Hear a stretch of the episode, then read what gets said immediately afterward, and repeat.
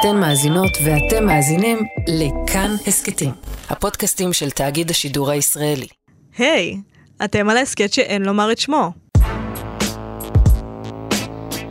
אני שיר ראובן. ואני דור סהרמן. ואנחנו קוראים את כל ספרי הארי פוטר מההתחלה ועד שהתאגיד יפסיקו אותנו.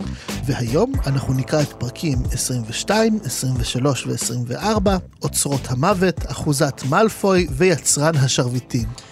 פרקים מצוינים. בובה, אלה פרקים אגב שהם בשיא של הפרקים של הסדרה הזו בכלל. פרקים מאוד בובה. מאוד מאוד נהניתי.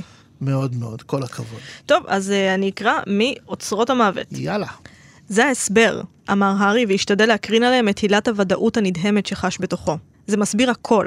אוצרות המוות קיימים באמת, ואחד מהם נמצא אצלי, אולי אפילו שניים, הוא הרים את הסניץ', ואתם יודעים מי מחפש את השלישי.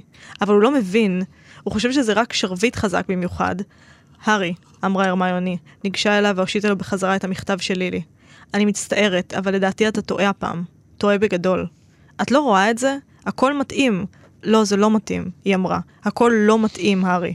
אתה סתם נסחף. בבקשה. היא אמרה כשהוא פצע את פיו לדבר. בבקשה, ענה לי על דבר אחד. אם אוצרות המוות היו קיימים באמת, ודמבלדור ידע עליהם, ידע שמי שבבעלותו כל השלושה יהיה אדון על המוות, הארי, למה הוא לא סיפר לך על זה? למה? התשובה הייתה כבר מוכנה בפיו. אבל את בעצמך אמרת את זה, הרמיוני. חייבים למצוא אותם בלי עזרה, זה מסע תגלית. אני אמרתי לך את זה רק כדי לנסות לשכנע אותך לבוא לבית הלאו-גודים, קרא הרמיוני בייאוש. אני לא באמת האמנתי בזה. הארי התעלם מדבריה. דמבלדור נהג לתת לי לגלות דברים בעצמי. הוא רצה שאנסה את כוחי, שאקח סיכונים. זה בדיוק סוג הדברים שהוא היה עושה. אך, אך. עכשיו, אני אתחיל בנקודה, כלומר שדווקא בדיוק הסיפ... הדיאלוג בדיוק שאת הקראת קשור אליה בעצם, mm-hmm. וקשור גם למבנה של הספר בכלל שמגולם בדיוק בדיאלוג הזה בין הארי להרמיוני. כי יש איזה מין תחושה, גם בתחילת הפרקים האלה, תמיד שהם מהמרים תמיד על המקום הלא נכון. נכון? כאילו תמיד אני אומר מה הספר השביעי מזכיר לי זה מרגיש כמו quest כמו משחק quest אבל משחק quest שאתה באמת משחק בו כי אם אתה צריך לשחק במשחקי quest אז כאילו אתה, אתה לא יודע מה אתה עושה. אני כאילו... שונאת משחקי quest. עכשיו זה מה שהם עושים כי מה אתה עושה במשחק quest אתה לוקח את החפץ הזה ומנסה לשים אותו על כל מקום על המסך לראות כאילו מה זה יעשה. ככה שיחקתי. ואז חשבתי זה מתיש, אין מצב שככה משחקים, כאילו. והפסקתי. זה מין שילוב בין לנסות להפעיל קצת היגיון, קצת ניסוי וטעייה וקצת מזל, שזה תכלס מה שהם, החבורה הזו עושה.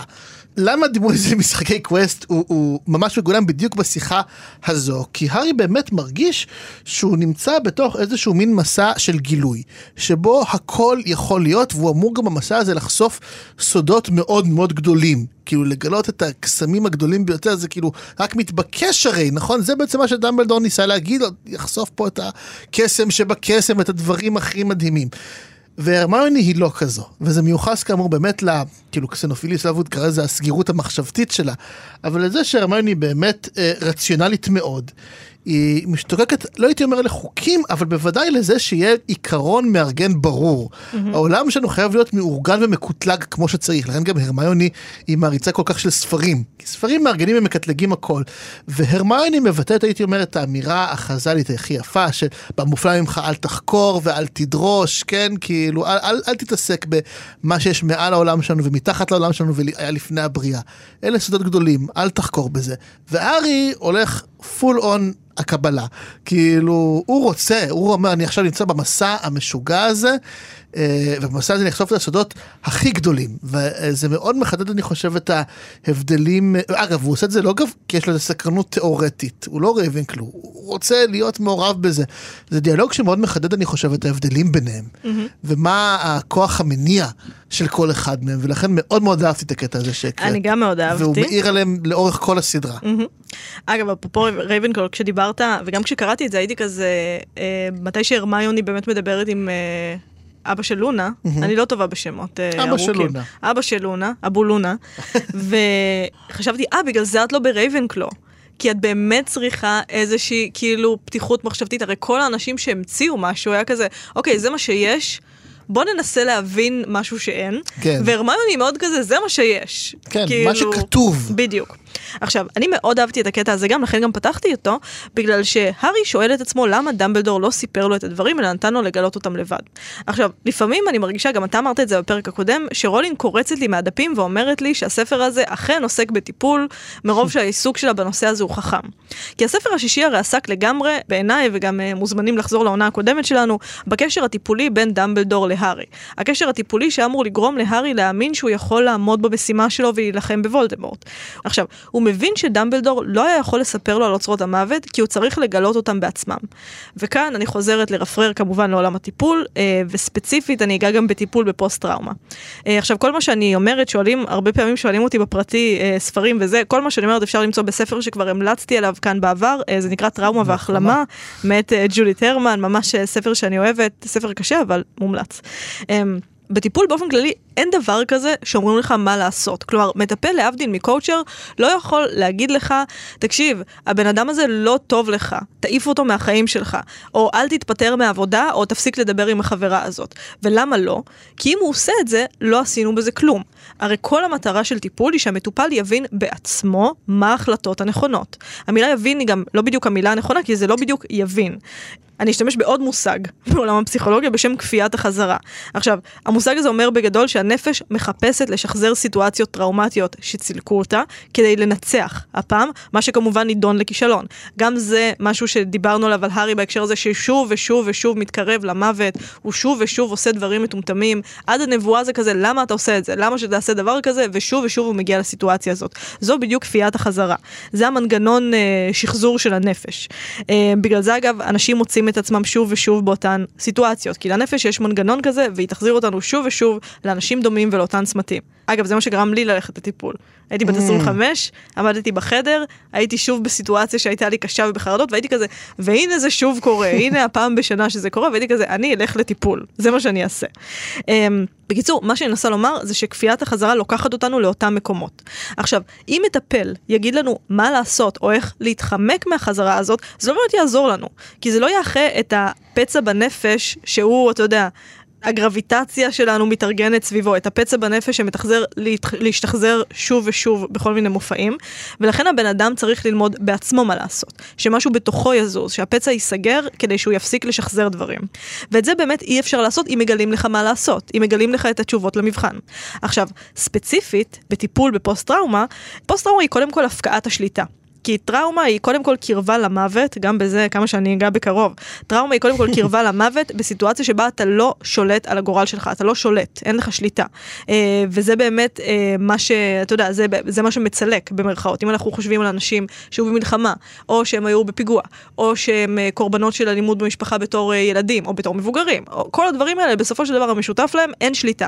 אתה לא מרגיש שאתה יכול אה, לשלוט בסיטואציה. אפשר אפילו יותר מזה לראות כמה המנגנון הזה עתיק. אה, יש כל מיני יוטיובים של אריות שנגיד אה, תוקפים חיה חלשה מהם, והחיה איכשהו מצליחה להשתחרר. מצילים אותה או שקורה משהו.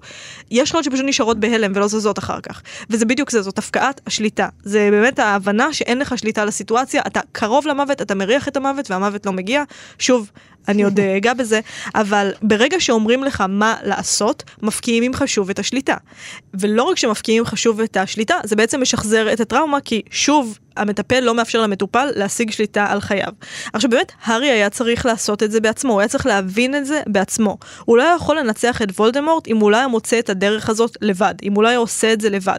ולאורך הפרקים האלה אנחנו גם רואים שביחד עם ההבנה הזאת, צמחה בהארי איזושהי כריזמה, איזושהי יכולת מנהיגות, איזשהו שינוי שלא היה שם קודם והיה חייב לעבור באי הוודאות הזה, באוהל, ביער, בריב עם רון, בכל הדברים האלה, הוא היה צריך להתגבר עליהם, הוא היה צריך למצוא את קצה החוט הזה בעצמו, כדי להתחיל לסמוך על האינסטינקטים שלו ולהבין שהוא יכול לעשות את זה.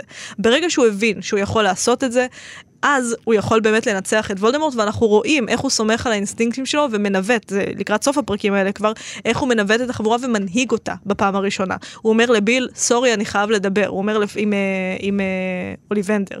הוא מדבר עם אוליבנדר בקול סלחן ורגוע. הארי אפילו מזכיר פה קצת את דמבלדור.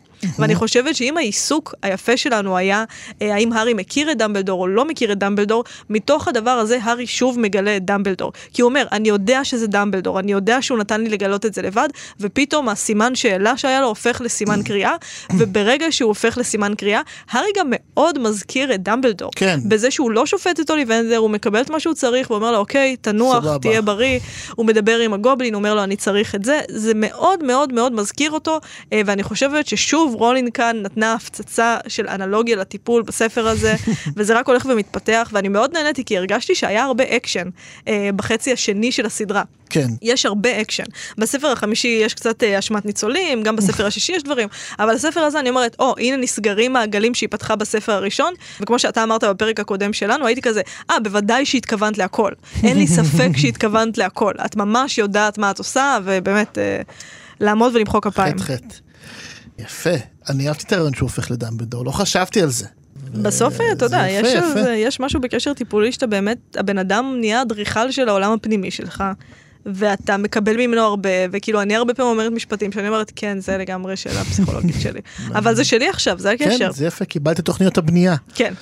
עכשיו, הנקודה הבאה שלי היא אה, בתוכנית הרדיו, שהם שומעים את התוכנית המחתרתית, יש שם קטע יפה, ששותקים וזוכרים את כל מי שנרצח וגם את המוגלגים נכון? שנרצחו, למרות שהם כאילו, הם אפילו לא יודעים איך קוראים להם? מה השם שלהם. א', זה הזכיר לי את זה שהרבה פעמים ניסו כאן כמה אנשים אה, טובים בתקשורת הישראלית, אה, ניסו תמיד להציף את הסיפור של הפועלי בנייה, אגב. כן. החבר'ה הסינים שבאמת, אני לא יודע איך להגיד את השמות שלהם, זה שמות באמת לשבור את השיניים לדובר עברית. אבל אה, שכן, זה אנשים שכאילו מתים פה בתאונות די מחרידות, וכאילו אנחנו ממש מתעלמים מהם, כי הם פועלים וכי הם סינים, אז כאילו... יש מהם מיליארד, אז כאילו זה לא... זה... אז גם פה הם לא יודעים איך קוראים למוגלגים האלה, אבל אפילו שאנחנו לא יודעים איך קוראים להם, אנחנו מקדישים להם את הזמן, כי הם היו בני אדם. והם אינם עוד, וזה רגע אנושי מאוד מאוד יפה. עכשיו, ההקבלה הבאה היא כמובן, איך לא, שואה ונאצים, כי אנחנו בתוך זה פשוט, וזו הקריאה לקוסמים בעצם, בואו תהיו חסידי אומות עולם. נכון. כן, בואו, אתם יכולים להגן על המוגלגים. עכשיו, גם הקוסמים עצמם, הרי יש להם את כל התירוצים לא לעשות את זה. הם בעצמם נמצאים תחת שלטון טרור, כן, אם להקביל את זה רגע לשואה, אז הקוסמים הם ההולנדים, והצרפתים, ו- והבלגים, והזה, והדנים וזה, והמוגלגים זה היהודים, כאילו, הקורבנות הראשיים. אז כל אותם דנים וצרפתים והולנדים יכולים להגיד, ואגב, הם גם לא יטעו יותר מדי בלהגיד, חבר'ה, גם אנחנו פה תחת, כאילו, הנאצים שולטים באזור, החירויות שלנו גם הופקעו, אנחנו תחת איומי טרור יומיומיים, אז אתם מבקשים ממני כאילו לסכן את עצמי, ויותר מזה, סבבה, אני מסכן את עצמי, אבל יש לי נגיד אישה, יש לי ילדים, אם אני עכשיו מציל את המוגל הזה או את היהודי הזה, אני גם מסכן אותם, כאילו הילד שלי עלול למות מזה, כאילו mm-hmm. ננקמו בו הנאצים או אוכלי המוות האלה. זו בקשה באמת מאוד מאוד קשה ומאוד מאוד חריגה, ולכן מאוד יפה כמה הם מקפידים להגיד את זה. אה, ואכן היו גם מדינות באירופה שיותר הצילו יהודים והיו מדינות שפחות אה, וזה גם לא פעם תלוי כמה הם הקשיבו למחתרות. עכשיו ההקבלה הנוספת אגב שהייתה לי בין המוגלגים ליהודים זה שהמוגלגים פה בעצם שזה מאוד אכזרי הם לא יודעים מה הורג אותם נכון. הם לא יודעים מי, מי הרוצח אפילו, כאילו, ושיש בכלל עולם שלם של קוסמים, ובתוך הקוסמים הזה יש קבוצה נורא אפלה שרוצה להשמיד אותם, הם לא יודעים. זה דבר מאוד נורא ומאוד אכזרי, וא' אני תהיתי האם לא היה כדאי להגיד אולי בכל זאת למוגלגים. שיש קוסמים כאלה, אבל ההקבלה לזה היא באמת הקבלה מסוימת קצת כמו היהודים בגטאות, שאומנם הם ידעו שיש נאצים, אבל הם לא ידעו על הפתרון הסופי. והם לא ידעו לאן שולחים אותם, והם לא ידעו על המוות שמחכה להם. באיזשהו שלב הם ידעו. יש טענה שחלק ידעו והיו שמועות תמיד וזה, אבל בסוף הרוב לא ידעו, או לפחות הרוב, וזה מאוד מובן, רצו להאמין, mm-hmm. כי זה באמת נשאר משוגע, שיש דבר כזה מחנה השמדה, מחנה שמייצר מוות. זה פסיכי, זה כן. כאילו, זה כמו חלום רע. זה, זה לא נשמע נורמלי שיש רכבות ששולחות אנשים פשוט למחנות שבהם בצורה, שגם במחנות עצמם היה כמובן המון פעילות של הסתרה, ואמרו להם אתם עכשיו מתקלחים כי אתם יוצאים לעבודה, כן. ואתם תעברו חיטוי וזה, כי יוצאים לעבודה וכו', כלומר, היה עד הרגע האחרון אה, פעילות של הסתרה מצד הנאצים. הנאצים הסבו כל הזמן את מה שהם עשו. לא סתם גם כמובן ניסו לכם, הם ניסו להעלים מהר מאוד את הראיות למה שהם עשו. שזה סימן שהם ידעו כל הזמן שהם עושים משהו רע.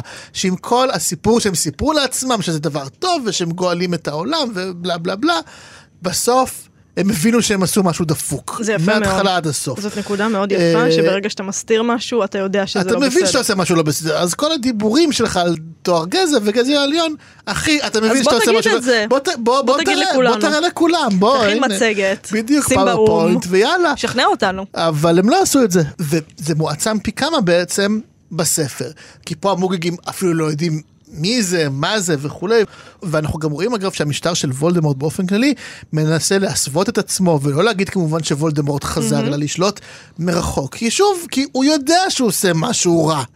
זה לא רק אה, זה שהוא יודע משהו רע, זה גם כמו השאלה שלך, למה לא לומר למוגלגים. כן. ברגע שאתה מסמן למוגלגים, יש לכם אויב, הם יכולים לצאת למלחמה. בדיוק. ואם הם יוצאים למלחמה, הקוסמים יזיינו אותם. ברור, לא יהיו, לא יהיה מוגלגים. זה בעצם לטובתם לא לומר להם. כאילו כן. כנ"ל כאן, ברגע שוולדמורט יגיד שהוא בשלטון, יכול להיות שזה יעורר התנגדות, יכול להיות שזה יעורר פחד, ברגע שזה שמועות זה באמת... מעורר איזה אימה כזו. וגם יש משהו בזה שסמכות, כאילו, אומרת לך, לא, זה בסדר, זה בסדר, זה בסדר. אפילו אם אתה לא רוצה להירגע מזה, יש בזה משהו מרגיע. כן. רוב האנשים בסופו של דבר קונפורמיסטים, ואתה כן בוטח בסמכות. נכון, זה היה בדיוק הניסיון של וולדמורט ליצור את הסמכות הזו.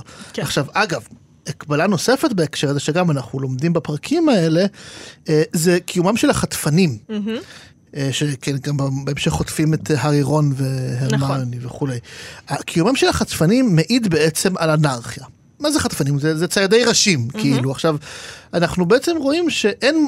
הרי מה זה תמיד, זו האמירה הכי ידועה על אה, מהי המדינה, המדינה היא המונופול על האלימות. משפט שאני בטוח שאפילו בהסכת הזה אמרתי כבר כן, חמש כן, פעמים. אמרת, משפט טוב. אה, משפט מהמם, כי זה נכון. כלומר, המדינה היא מונופול אלימות, ברגע שזה מופקע מהמדינה, אנחנו נכנסים למצב של סוריה לצורך העניין, כן? של... אה, או של ישראל בפרעות שהיו לפני או שנה וקצת. בפרעות, או ארצות הברית עם הסקול שוטינגס שיש כן, להם, כן. כאילו לא, לא חסר, כן? לצערנו הרב לא חסרות דוגמאות. סוריה זה, זה הקצנה כמובן. אבל uh, ביטוי של מדינה מסודרת שהמדינה יש מונופול על האלימות. והנה אנחנו רואים שגם כאילו במדינה הטוטליטרית הוולדמורטית שמקבילה לנאצים, מה פתאום יש איזה אנרכיה, זה, זה נשמע לנו כאילו לא נכון, דווקא במדינת כאילו הסדר הטוטלי. אה, איך יש אנרכיה, אבל גם זה הקבלה בדיוק אחד לאחד לנאצים, כי למרות הדימוי של המשטר הגרמני הנאצי בתור כאילו, אנחנו גם תמיד צוחקים, נכון, גרמנים הם אה, מסודרים וכולי, ורכבות יוצאות בזמן וכולי וכולי, האמת היא שמה שהיטלר תמיד יצר במנגנון, במנגנון שלו זה כאוס וכפילות של תפקידים וכל מיני מנגנונים מאוד מסובכים שגם לא נחוצים באמת, ובמדינה הנאצית היה גם הרבה מאוד מקום לאנרכיה ולאנשים שעשו מה שהם רוצים מבחינת האלימות, כי זה משהו שהטוטליטריות מקדמת. למה? כי בסוף בסוף זה היה חשוב שלהיטלר שיהיה מספיק בלאגן כדי שבשאלות החשובות לא תהיה ברירה אלא לפנות אליו. לא, אי אפשר יהיה לסגור את הדברים האלה ביניכם. לא, יהיה לכם פה יותר מדי בלאגן ומאבקים ביניכם. אתם חייבים לפנות אליי. כמו שבדברים החשובים, כמו שאנחנו רואים בהמשך הפרק, חייבים לזמן את וולדמורט. כן. אז הרי לכם, מדינה טוטליטרית. יפה ומעניין מאוד. בהקשר החטפנים, אגב, מאוד כן. עניין אותי, אה, הארי, מתי שתופסים אותו, אומר אה, שקוראים לו ורנון דאדלי. שוב, מרפרר לתיאוריה שלי מתחילת הספר, הוא אומר שם של אבא ושם של בן. זאת אומרת, זה בסופו של דבר, שוב, הרעיון שהארי ודאדלי הם אותו בן אדם, ששוב, ברעיון, ה... רפררנו את זה בפרק הראשון של ההסכת, אבל אני אקצר את זה פה, ואגיד שבסופו של דבר, מתי שיש משפחה חורגת, או אימא חורגת, או כל הדברים האלה בספרות, האימא החורגת היא למעשה האימא האמיתית, המשפחה החורגת היא למעשה המשפחה האמיתית, ודאדלי והארי הם אותו בן אדם. הנה mm-hmm. עוד קריצה של רולינג לדבר הזה. אגב, בלייב של ההסכת שאלו אותי אם יש לי עוד דוגמאות אה, לאורך הספרים, וכמובן שעלתה לי בשנייה שסיימנו את הלייב, אה, שהארי כל הזמן לובש את הבגדים של דאדלי, מקבל את החפצים שלו, את החדר הישן שלו, ועוד דוגמאות. אבל יותר מעניין, אה, זה שאחר כך הם מגיעים לאחוזת מאלפוי. ואותי משך הרגע שבו mm. הם במרתף, וזנב תולה, פיטר פטריגו, אה, מרחם על הארי, ובסופו של דבר מביא למותו שלו. היד שהוא נתן לוולדמורט, ובמקומה אה, וולדמורט העניק לו יד כסופה, חונקת אותו. עכשיו, זה סוף מאוד מאוד ספרותי, קודם כל, במובן הכי מיידי, וולדמורט הוא לא באמת נדיב, הוא לא מעניק. הוא לא נתן יד שתיטיב עם זנב תולע שהוא יוכל להשתמש בה כרצונו. הוא נתן לו יד עם איזשהו מנגנון פנימי שברגע שהיא לא עושה את מה שוולדמורט רוצה, היא משמידה אותו. היא בעצם הופכת אותו לכלי. זה השימוש הכי אינסטרומנטלי שיכול להיות באדם, אה, והוא באמת הופך את זנב תולע מכולם למשרת. עכשיו, זה בדיוק ההבדל בין נתינה של אדם שרוצה שיהיה לך משהו, כמו הארי למשל כשהוא קובר את דובי בפרקים האלה ומעניק לו את הגרביים שלו ואת הנעליים שלו, לבין אדם שנותן לך משהו ובעצם הדבר הזה אה, רוצה שתהיה כבול אליו. עכשיו, אספקט יותר מעניין של זה, זה שפטריגו מת מוות של פחדנים. זו מלחמה, הוא בוגד, הוא בגד בשני הצדדים בסוף, סוג של, והנקמה שלו זה שאף אחד לא הרג אותו. הוא לא נפל במלחמה, הוא לא חלל, בניגוד לאנשים בשני הצדדים שמתו עבור משהו, פטריגו הרג את עצמו כי הוא חי קודם כל עבור עצמו ולא עבור שום דבר אחר. הוא בעצם הדוגמה הכי מובהקת לאדם פחדן וכמה נזק פחדנות יכולה לגרום, כי אין מוסר מאחורה, אין ערכים מאחורה, יש רק את האינטרס הקטן של בן אדם אחד, וזו הנקמה של רולינג בו. בניגוד לסיריוס בלק שנרצח על ידי בלטריקס לסטרנג', או אפילו על ידי, ספוילר, כן? אבל מול הרשעים הגדולים שבאוכלי המוות, וולדמורט או בלטריקס לסטרנג', הוא לא מת בקרב. הוא מת מוות עלוב וקטן במרתף בגלל רגע קטן של חמלה, וזה באמת הנקמה בבן אדם הזה. אפילו לא מתת מוות של אוכל מוות. אני אגיד משהו על זה. זה לא מקרי בכלל בעיניי שהמוות של uh, זנב תולה mm-hmm.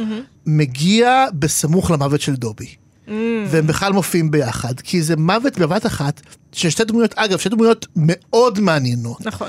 מאוד מעניינות, מהדמויות המרתקות שיש בסדרה הזו, שגם שתיהן מלוות אותנו אה, מהחלקים הראשונים בסדרה. נכון. כלומר, דובי מהפרק, מהספר השני, אה, זנב צולה מהספר השלישי, וכל אחד מהם גם מייצג בדיוק את הדבר והיפוכו, הם ממש ההפכים אחד של השני. נכון מאוד. אה, כי דובי הוא הגמדון החופשי והנאמן, היצור שסירב להיכנע לטבע של הגזע שלו שגרם לקוסמים לשעבד את כל הגזע שלו ולהכפיף אותו אליהם. במקום זה, דובי פועל מתוך רצון, מתוך חופש, מתוך באמת חירות אמיתית. הוא עבד משוחרר הרי דובי.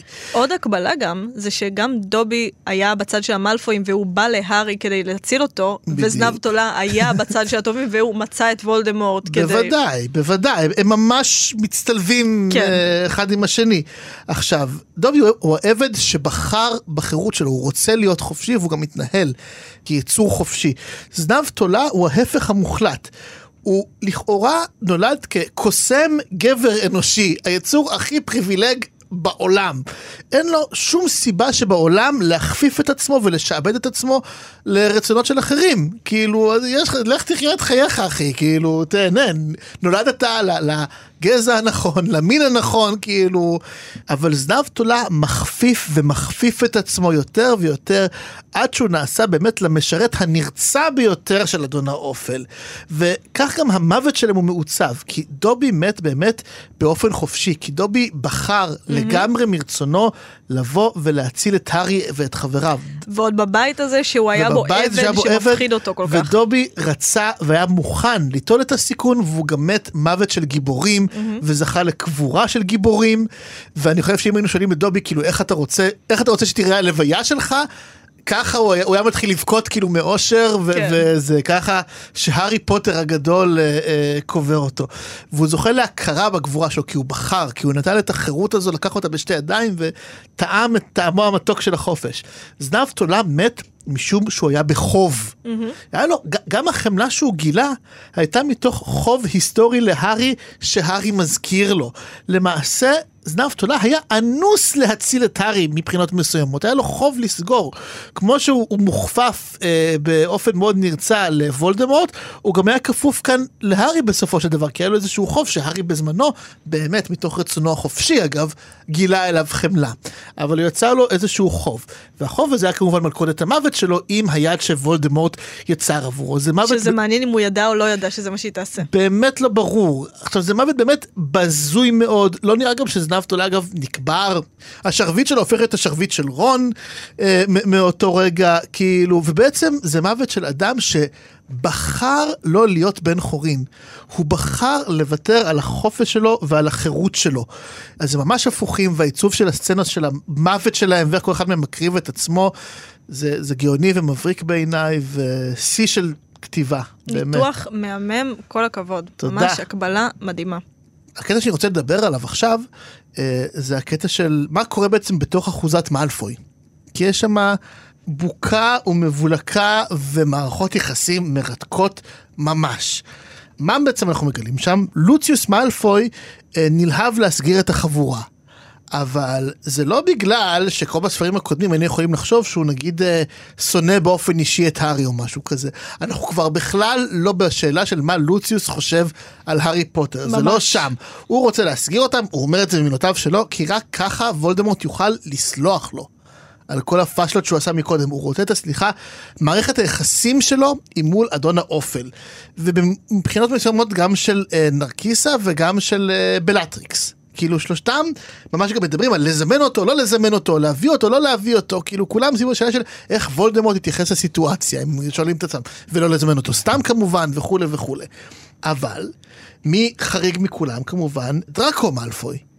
אה, כששואלים את דראקו מאלפוי שרוצים שהוא ינסה לזהות את הארי שהפנים שלו נורא מנופחות וכאלה, אז מאלפוי בא אליו ולא עושה שום מאמץ לזהות את הארי, כשברור לי במאה אחוז שהוא מזהה שזה הארי, הוא יודע שזה הארי, אפילו על רון, שהפנים שלו לא השתנו, אז שאומרים אומרים לו זה וויזי, נכון? הוא אומר כזה, כן, נראה לי אולי, אולי. כאילו, מה, כאילו, מה?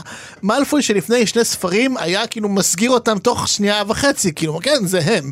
וזה בדיוק מה שקורה בפרק הקודם עם דמבלדור. אנשים בגיל קטן, לפני שהם חווים באמת, הרי מה עובר על מאלפוי פה? הוא פשוט אומר, אה, ah, כל הרעיונות הנוראים האלה שהאמנתי בהם בבית, לזה הם מובילים? זין שלי. אני ממש לא הולך לשתף עם זה פעולה. ואני חושבת שזה שוב, רולינג מראה לנו, הנה, הבן אדם הזה שהוא היה האויב שלהם, בטח בספרים הראשונים, אפילו עד הספר השישי. כאילו, כן. בספר הזה לא מתעסקים בו כי הם לא בבית ספר, כן, כן. אבל הנה הוא משנה את דעתו ואפילו מנסה להציל אותם באיזשהו אופן. אז אני אוסיף על זה נדבך נוסף, כי זה מעבר לזה, זה mm-hmm. משהו שמאלפוי שונה במשפחה שלו, לא רק ברגישות שלו, אלא גם ביחס שלו לוולדמורט, כי דראקו מאלפוי מבין את מה שההורים שלו ודודה שלו לא מסרבים להבין, וזה שוולדמורט לא סולח. האיש הזה, הסליחה היא ממנו והלאה. הוא לא מגלה לו סליחה ולא חמלה ולא פותחים אצלו שום דף חדש על טעויות העבר. אין דברים כאלה אצל וולדמורט. זה משהו שדרקו הבין, אני חושב שגם אחרים אולי מבינים, הם פשוט מסרבים להאמין בזה, הם חושבים שיש להם איזשהו מוצא אפשרי, איזשהו נתיב הצלה. אבל מה שדראקו מאלפוי מבין זה שוולדמורט לא יוביל אותך לשום נתיב הצלה. אין. התחלת להתעסק איתו, זה הקזינו, בכל בקזינו, הבית תמיד זוכה. גם אם נראה לך שלרגע הצלחת כאילו לגלגל את הקוביות טוב, בגלגול הבא אתה תדפק שוב. זה, כי ככה זה, זה החוקים. תמיד וולדמורט אה, אה, יהיה לך איזשהו חוב כלפיו, כי, כך, כי ככה האיש הזה עובד. הוא לא יסלח לך והוא לא ימחק לך שום דבר ממה שעשית. מאלפוי בעצם עלה על השקר הזה, mm-hmm. שנקרא וולדמורט, זה שקר. זה לא, הוא מבין שזה לא איזה אחווה של אנשים שנאמנים אחד לשני, של אוכלי מוות באיזה אחווה סודית מגניבה, לא. הוא מבין שזה סוג של ארכי טרוריסט, שמפעיל את הטרור שלו קודם כל כלפי פנימה. כמו כל שלטון טוטליטרי, קודם כל, האימה מובנית קודם כל פנימה, וככל שיותר פנימה ככה גם אתה הרבה יותר הסתבכת בסופו של דבר.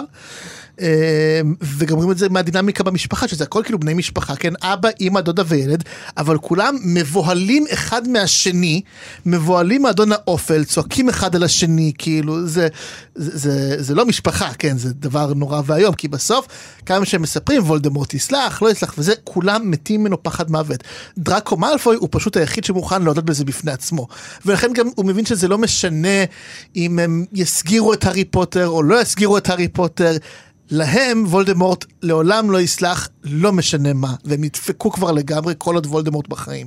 אני חושבת שפשוט, אני לא, אנחנו לא יודעים מה קרה במשפחות של לוציוס, בטריקס ונרקיס, אנחנו לא יודעים.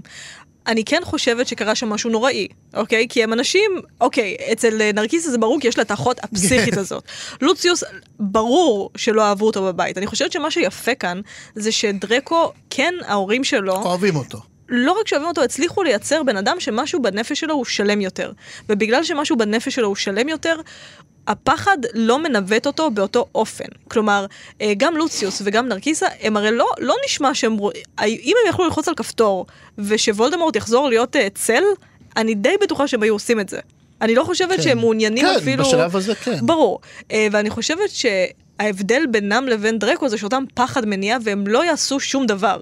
כדי mm-hmm. לעזור לזה לקרות. הם אומרים, אולי נצליח להתברג שוב, אולי הוא יסלח לנו הכל, ודרקו אומר, כן, אני עושה פעולה אקטיבית, בגלל שדרקו לא פועל מתוך הבורות האלה בנפש. אותו כן אהבו בבית מספיק, כדי שהוא יגיד, אני בצד הזה בעצם. Uh, הרגע הכי יפה של הדבר הזה שאמרנו, זה שהשרביט של דרקו עובר להארי, כמו שהנאמנות של דרקו היא בסופו של דבר להארי. הוא לא רוצה לזהות את הרמיוני ורון, הוא לא רוצה לזהות את הארי, לא סתם אומרים שהשרביט שלו גמיש למדי, זה מה שאוליבנדר אומר. דרקו גדל בבית הזה, בבית ש... שבו אבא שלו ואימא שלו נלהבים שהוא יסגיר את הארי פוטר, אבל הוא מסרב לומר את זה באופן נחרץ. כן. בסטנדרטים של מה שקורה, של הטרור שיש שם, מאלפוי חד משמעית עבר צד. עכשיו, הארי מתאר את הזיקה של וולדמורט לגרינגוטס, לבנק, כן. אה, לבנק הגובלינים. אה, הוא בעצם אומר, זה בטח לא היה לו מפתח לשם אף פעם, והוא אה, בטח רוצה את הזיקה, כאילו יש לו זיקה לשם, והוא היה מאוד שמח שיהיה הורקרוקס שלו בתוך הכספת, ובטח בגלל זה הוא משתמש בכספת של בלטריקס לסטרנג', כן. שברגע שהיא מגלה שהייתה פריצה לכספת שלה, היא מתחרפנת. עכשיו, אנחנו גם מבינים למה. הארי מבין את וולדמורט בגלל כל המסע שלו ושל דמבלדור בספר השישי. יש להם פצע דומה, הביוגרפיות שלהם דומות. שניהם נדפקו מהמוות של ההורים שלהם ונשארו לבד, לשניהם לא היה בית, שניהם גדלו באיזושהי גרסה של בית יתומים, שניהם העריצו את הוגוורטס. הפצע הוא דומה ולכן יש נקודות השקה בביוגרפיות שלהם.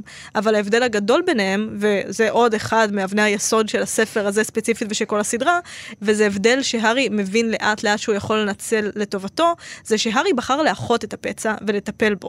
וכדי לטפל בפצע צריך קודם כל להכיר בפצע ולא להתכחש לו. כלומר, אם אנחנו מדברים על מוות, ושוב, בפרק הזה פיצחתי את עניין המוות לדעתי, אני אגיע לזה בהמשך, יש מוות, המוות דפק אותו והוא מבין כמה הוא פגיע, כמה החברים שלו פגיעים, והוא מתמודד עם המוות כל הזמן. אנחנו רואים את זה כשהוא קובר את דובי בידיים שלו. הארי לא פוחד מהמוות. הארי נוגע במוות, הוא לא נפגע מהמוות והוא מחליט לברוח ממנו כל הזמן. הארי יד ביד עם המוות. והוא יודע שכל עוד הוא אוהב אנשים, הוא פגיע כי אפשר להרוג אותם, שזה בדיוק כמו שוולדמורט עושה, גם לו וגם באופן כללי. אבל הוא עדיין בוחר לאהוב, הוא בוחר להעמיד את עצמו שוב ושוב בסכנה במרכאות שיצרה את הפצע שלו כשההורים שלו אנשים שהוא אוהב, מתו. וולדמורט לעומת זאת מחליט להתכחש לפצע, להתכחש למוות, לנסות לנצח אותו, לעשות את המעשה העל-טבעי הזה שיוצר את העיוות הגדול בעולם. ושכשמתכחשים לפצע, בוודאי שאי אפשר להחלים ממנו. כל מה שעושים זה לברוח ולייצר אותו שוב ושוב בכל מיני מופעים. אה, יש לי עוד הקבלה, אה, יאללה. בסוגריים, שיש בספר הזה באמת המון מוות של אה, דמויות שהיו לטובתו של הארי. יש לנו בינתיים את דובי, את הדוויג, את עין הזעם, בספר הקודם כמובן יש את דמבלדור. זה בעצם מלא במוות של דמויות שהיו לטובתו של הארי. ושוב אני רואה כאן הקבלה לוולדמורט, בגלל שהאנשים האלה מתים כדי שהארי יחיה. נכון. זה בעצם ההיפוך של האורוקרוקסים. Hmm. וולדמורט רצח אנשים כדי להציל את עצמו. הוא רצח עוד ועוד אנשים, אנשים שלא הייתה להם אה, בחירה אם למות. ועבור הארי אנשים שוב ושוב ושוב ושוב בוחרים למות. עכשיו, המוות הוא לכאורה אותו מוות, בסופו של דבר. הם מתים, הם לא קיימים יותר, הם אינם, אבל הוא שונה לגמרי, כי מוות אחד מונע על ידי הפחד של וולדמורט. פחד מהכל, מפגיעות וגם מהמוות, והמוות השני מונע מאהבה. ומערכים ומרצון, בסופו של דבר, שלהרבה אנשים יהיו חיים טובים יותר. הרי בסופו של דבר זה מתנקז להארי. אבל למה הארי הוא כזה גיבור? הארי הוא גיבור בגלל שהוא מגלם בתוכו את ההבטחה שיכולים להיות חיים טובים יותר ממה שוולדמורט מנסה לעשות. עכשיו, אפרופו וולדמורט. כן. Uh, הפלשבק של הארי uh, לוולדמורט כתוב פשוט מרתק אה, ומבריק. השתי וערב שרולינג עושה שם, היא גם מראה לנו מה מחבר את הארי לרגע. זה כתוב כמו סצנת קולנוע. ממש, כמו, ממש. כמו סצנת קולנוע בעריכה מקבילה פשוט. חד משמעית. עכשיו, היא מראה לנו, רק ניתן רפרנס לקוראינו, למאזיננו, שיש את הרגע בעצם שהם... מובלים לתוך בית משפחת מאלפוי, ובאותו הרגע הארי מקבל פלשבק מוולדמורט. וזאת הפעם הראשונה בעצם שהארי מצליח לחסום אותו. הוא לא רוצה את הפלשבק, הוא מעדיף להישאר במציאות. אמ, ואחר כך, שוב, מתי שהם במרתף, הארי מקבל עוד פלשבק, אבל הוא מעדיף להקשיב לרמיוני צורחת ולדאוג לה. עכשיו, אני מבינה בפעם הראשונה שהפלשבקים של הארי לתוך התודעה של וולדמורט הם בעצם דיסוציאציה, שזה מושג mm. שכבר נגעתי פה בהסכת. אה, דיסוציאציה ניתוק זה מושג אה, שהוא גם, קודם כל, תופעה של פוסט-טראומה. עכשיו שוב, אני מבינה כמה רולינג ידעה מה היא כותבת וכמה הספר הזה, אין לי ספק שהוא עוסק בטיפול, אין לי שום ספק שהאישה יודעת מה היא כותבת ושזה בכוונה, זה לא אקראי. עכשיו, דיסוציאציה בגדול זה התנתקות מסיטואציה, היא אמורה לשמור עלינו. אנשים שסבלו התעללות ממושכת לא היו יכולים להיות נוכחים ברגעים האלה, בגלל שמשהו ברגעים האלה איים על השלמות של הנפש שלהם, ובגלל זה אתה צריך להתנתק. הצורך של הנפש הוא פשוט לנתק אותך ולאפשר לך לשרוד את הרגע הקשה הזה ולהמשיך הלאה. אמ, יש סרט עכשיו על הפיגוע שהיה בשרונה לפני כמה שנים, mm. לסרט קוראים במעגל סגור, ויש שם באמת דוגמה מצוינת לדיסוציאציה. יש שם אנשים אה, שהיו בפיגוע והם נותנים עדויות, אחד אחרי השני. וכמה מהם מתארים את אותו הדבר, הם מתארים את זה שהם התחבאו באיזשהו מקום אה, בפנים, אבל כשהוציאו אותם, כשהגיעו כוחות הביטחון, אחרי שהמחבל נורה והמחבל השני ברח, הם היו צריכים לחלוף על פני זירת הפיגוע, איפה שהיו, לצערנו הרב, גופות של אנשים שהרגע נרצחו. וכולם אמרו את אותו דבר, כולם אמרו, חסרות לנו כמה שניות. אין להם תמונה mm. בראש של האנשים הירועים ששוכבים במקום שלפני שנייה הם אכלו בו ארוחת ערב. זה בדיוק הדבר. הם לא זוכרים, הם לא זוכרים גופות, אין להם את זה במוח, המוח התנתק. זו דיסוציאציה. הנפש יודעת שהיא לא תעמוד בדבר שקורה שם, אז היא מנתקת למען ההישרדות שלנו, למען זה שנוכל להמשיך לחיות אחר כך. עכשיו, מה הבעיה בפוסט-טראומה? זה שדיסוציאציה משתלטת עליך גם ברגעים שאתה לא מעוניין שהיא תגיע. זה עוד טריק של המוח, זה עוד טריק שהנפש יודעת לעשות, והיא מפעילה אותו באופן לא נשלט. לפעמים אתה מתנתק. אה, אדם פוסט-טראומטי לא יכול לבחור מתי להתנתק ומתי לא, זה בעצם מנגנון שהיה בשימוש, ונפתרים איתו דברים שלא תמיד היית בהכרח רוצה לפתור ככה. עכשיו, מה זה אומר שהיא מפעילה אותו בלי שליטה, שהנפש מפעילה את המנגנון הזה בלי שליטה? זה אומר קודם כל שיש נוכחות לטראומה לאורך החיים. הניתוק הזה הוא כמו איגרת שמקבלים מהטראומה. הנה דבר שנוכח בחיים כל הזמן. וזה בדיוק מה שקורה להארי כשהוא הופך, הופך במרכאות, כשהוא מציץ לתוך וולדמורט. הוא לא נוכח ברגע, הוא לא נמצא בתוך הדבר שקרה לו, אה, הצלקת בוערת והוא במקום אחר. עכשיו, בפרקים האלה, הארי בעצם מצליח בפעם הראשונה לחסום את זה ולהישאר ברגע. והוא עושה את זה כי הוא מרגיש במובן הכי פשוט אהבה. עכשיו הוא גם אומר את זה כשהוא קובר את דובי. אה, הוא מרגיש צער, זה בעצם אהבה. נכון. הוא אומר, זה מה שדמבלדור היה אומר. שוב, אנחנו רואים כמה דמבלדור הוטמע לתוך הארי, כמה המהלך שדמבלדור רצה ליצור, הנה הוא עובד, הארי חושב מחשבה, הוא אומר, זה מה שדמבלדור היה אומר, זו בעצם מחשבה שלו כמובן. הוא מרגיש אהבה לחברים שלו שנמצאים במצוקה, והוא מרגיש אהבה לדובי. עכשיו, עד כה, בכל פעם שזה קרה, הוא היה לבד. בכל פעם שהיה לו פלשבק לתוך וולדמורט, הוא היה לבד, והנה הוא ביחד. וכשהוא ביחד, הוא מצליח לעשות את זה.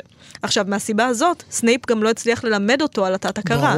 כי אפשר ללמד את הדבר הזה באופן הזה. אי אפשר לנסות לפתור תסמינים של פוסט-טראומה כמו דיסוציאציה, דרך לימוד של טכניקה. ושוב, אני מלכלך איזה כן. פרק הלכלוך הגדול שלי על קואוצ'רים.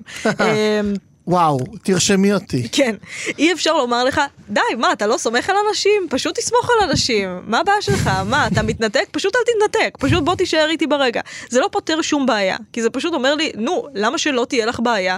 לא ככה זה עובד. כדי ללמוד על התת-הכרה, כדי ללמוד להתגבר על הדיסוציאציה, וזה כמובן מאוד שטחי, כן? אבל זה לא אומר שזה לא נכון. רולינג אומרת לנו שהארי היה צריך להתחבר למשהו חזק יותר מהפצע. והחיבור שלו היה לאהבה ולמחויבות לחברים שלו. כמובן, אני חושבת שזה גם קשור למה שקורה בפרקים האלה. ברור. שהארי מבין משהו בעצמו, שהארי מגלה משהו בעצמו, הפצע הזה נסגר, ואנחנו בעצם מתחילים אה, לראות אלמנטים של החלמה. כלומר, אם הספר הזה עוסק בפוסט-טראומה, והוא עוסק בפוסט-טראומה, וואו, מכמה זוויות, אנחנו עד עכשיו התעסקנו בפצע. בפרקים האלה, בפעם הראשונה, ובספר הזה, בפעם הראשונה, אנחנו רואים אלמנטים של החלמה. זה תסמין של פוסט-טראומה שהארי מצליח להתגבר עליו. אה, ואני מאוד מאוד נהניתי. בצדק, בצדק, זה באמת מעולה. אה, וזה מוביל אותי לנקודה האחרונה שלי יש להגיד על הפרקים האלה. שבעצם קשורה לשיחה שהארי מנהל, גם עם הגובלין וגם עם מר אה, אוליבנדר. אמ, בשיחה איתם, שוב, א', יש הרבה הקבלה בין הגובלין לבין uh, אוליבנדר. את שניהם כמובן הארי פגש בספר הראשון, mm-hmm. כשהוא הפך לקוסם, הם העניקו לו את הדברים שהוא זקוק להם על מנת להתקיים כקוסם, את כסף הקוסמים ואת שרביט. הקסמים שלו. דברים מאוד שימושיים. והיחס גם שלהם, של הגובלין, של גריפוק ושל uh, אוליבנדר לדברים האלה, לדברים שהם בעצמם מייצרים, הוא יחס מאוד מאוד מעניין. עכשיו, אנחנו כבר רואים שכן גריפוק מסתכל כל הזמן רק על החרב כאילו הארי פחות מעניין אותו כאילו קצת מסקרן אותו אומר אתה קוסם מאוד מוזר הארי פוטר וזה אבל הוא מתנהג באופן כאילו לא אנושי הוא רק כזה מתעסק בחרב כל הזמן אבל זה אנחנו אומרים בסדר הוא גובלין הוא לא בן אדם יש לו כאילו איזה איזושהי חשיבה, המוח שלו פועל אחרת, כי הוא לא בן אדם. אה, כי הוא אבל- יהודי. אבל אז, רק לפי הסרטים, אני חייב להגיד, זה בעיקר לא הסרטים. נכון, גם לפי הספר הראשון. הסרטים עשו את זה יותר, הפכו את זה לדבר אה, אני לא יודעת מה יותר אנטישמי. זה- כאילו, אני ש- מאשים את הסרטים בעיקר. לא, לא, אני לא חשבתי על זה עד שקראתי את הספר הראשון, I must say. לא, גם אני, אבל, אבל אז זה, ואז גם היה אגב איזה פודקאסט אה, של ג'ון סטיוארט ושרה סילברמן, שהם כאילו ירדו על רולינג שהיא אנטישמית וזה, אבל זה בעיקר הסרטים, זה יותר מהספרים. אם זה נשאר ברמת הספר, אני לא חושב, לא יודע. לא אני לא משנה. חושבת שהיא אנטישמית אני גם לא אופן. חושב שהיא אנטישמית, בכל מקרה. Uh, anyway, uh, נחזור רגע לעניין הזה, uh, אז אנחנו אומרים, אוקיי, גריפהוק מתנהג ככה כי הוא גובלין, אבל אז אנחנו גם רואים דרך העיניים של הארי, שגם אוליבנדר, עם כל המצב הנוראי שבו הוא נמצא, יש לו כאילו בעיקר יחס קצת פטישיסטי לשרביטים. כן. כאילו, הוא אומר, וואו, וולדמורט עם השרביט הכי חזק. קצת מחרמן, אני לא אשקר, כאילו זה באיזה סאבטקסט של מה שהוא אומר, כאילו, "מ, מעניין. מעניין מה יקרה. מעניין איזה דברים הוא יוכל לעשות. וולדמורט עם. השרביט הכי חזק in this is jackass. ממש, כאילו, לא, הוא ממש כאילו, שומעים את ההתרגשות שלו קצת, שהוא כאילו לא שולט בה. והארי קצת נרתע. כאילו יש משהו קצת, קצת כזה לא אנושי פתאום בהתנהגות של אוליבנדר, כאילו מה, מה אתה מתעסק בשרביט, כאילו, אוקיי, הבנתי, אתה, כאילו, אתה יצרן שרביטים, אבל באמת מה שברור גם אצל אה, גריפוק וגם אצל אוליבנדר זה שהם שניהם אה, אומנים, לא אומנים, אלא אומנים, כלומר הם אנשי המקצוע, בעלי מלאכה. בעלי המלאכה שתורתם אומנותם, כן, שזה זה, זה ממש אנשים שהמלאכה שלהם היא כל הווייתם, הייתי אומר. כל הדרך שבה הם מגדירים את עצמם היא דרך המלאכה, דרך החפצים שהם בעצם מייצרים. כאילו, זה ממש הדרך שבה הם רואים את העולם, שהיא דרך מעט צרה. צריך להגיד, אבל למה זה מעניין? זה מעניין כי בדיוק באותה שיחה רולינג שוב משרטטת את שאלת היחס בין האדם לבין הדומם שהספר הזה מאוד עוסק בו לדעתי, אה, והפעם זה האדם והשרביט. עכשיו, למה זה? כי שרביט הוא כאילו קצת יותר מחפץ דומם, נכון? יש בו כאילו משהו חי חי, ומשהו... הוא בוחר את הקוסם. ומשהו מתקשר כאילו. עכשיו, אנחנו חשבנו עד הרגע הזה שגם היחסים בין אדם לשרביט זה מה שנקרא יחס חד-חד ערכי. כאילו יש אה, מרכיב אחד של שרביט והוא מתאים לאדם אחד ספציפי, או אולי למעט אנשים, אבל כאילו זה, ממש צריך להיות התאמה מושלמת. אבל פה בשיחה עם אוליברד אנחנו מגלים זה לא בדיוק עובד ככה. ביחסי אדם שרביט, לאדם יש כוח על השרביט. הוא יכול להשתלט על השרביט, הוא יכול לאכוף את עצמו על השרביט. יש לאדם בכל זאת עליונות על החפץ הדומם. ולמה זה חשוב? כי כשמדברים על השרביט הבכור, אה, אוליבנדר נוגע משהו מהטבע האנושי, כן? כי הארי שואל, אה, צריך להרוג את מי שמחזיק את השרביט הבכור כדי כאילו זה? ואז כזה אוליבנדר אומר לו, לא נראה לי שצריך להרוג, כאילו למה דווקא להרוג? בוא, בוא לא ניסחף. אתה כן צריך להשתלט על השרביט, אבל זה לא אומר שאתה חייב לרצוח את הבן אדם. ואוליבדר נותן הסבר מאוד טוב למה השרביט הזה השאיר אחריו שובל של דם, כי זה שרביט מאוד חזק. אז גם מי שהחזיק אותו, תמיד פחד שיקחו לו את השרביט הזה, אז הוא בעצמו כנראה עסק הרבה מאוד באלימות, והיה מוכן לתקוף באלימות את מי שניסה לקחת ממנו, וגם מי שבא לקחת את השרביט כבר היה מוכן להפעיל מסות של אלימות. אבל זה לא באמת משהו אינהרנטי בשרביט עצמו. זה לא שהשרביט הבכור דורש את ליטרת הדם שלו, זה בני האדם. זה בני האדם שרוצחים אחד את השני. אם אתה חושב שהכוח באמת טמון אה, בחפץ הדומם, אז אתה באיזשהו מובן כבר הפסדת את כל הסיפור. אה, ומיד אחרי זה בסוף הפרקים, כן, שוולדמורט לוקח את השרביט הבכור לידיו, הוא כאילו מנצח, אבל אני חושב שדרך השיחה המקדימה אנחנו מבינים שאם אתה רואה את הכל דרך ה... שרביט דרך החפץ הדומם, אתה במובן מסוים הפסדת. מה ששוב רולינג אומרת לנו בעצם בשיחה הזו, זה שבמערכת יחסים בין האדם לחפץ, תשים לב תמיד מה בני האדם עושים. בני אדם זה המפתח, לכן גם דמבלדור שהוא איש של אנשים, זה עובד לו בסופו של דבר. נכון מאוד. איך קוראים ליצרן השרביטים השני? גרגורוביץ'. גרגורוביץ'. תוך כדי שדיברת חשבתי על זה שוויקטור קרום אומר, ל... לה... להארי אומר את זה, נכון? שגרגורוביץ' הוא יצרן שרביטים הרבה יותר טוב נכון. מאוליבנטר. עכשיו, בספר הזה אנחנו קצת אה, רואים הוכחה לזה. כי מתי שוולדמורט בא לגרגורוביץ', הוא אומר לו, אתה על הזין שלי, תהרוג אותי, השרביט בחיים לא יהיה שלך.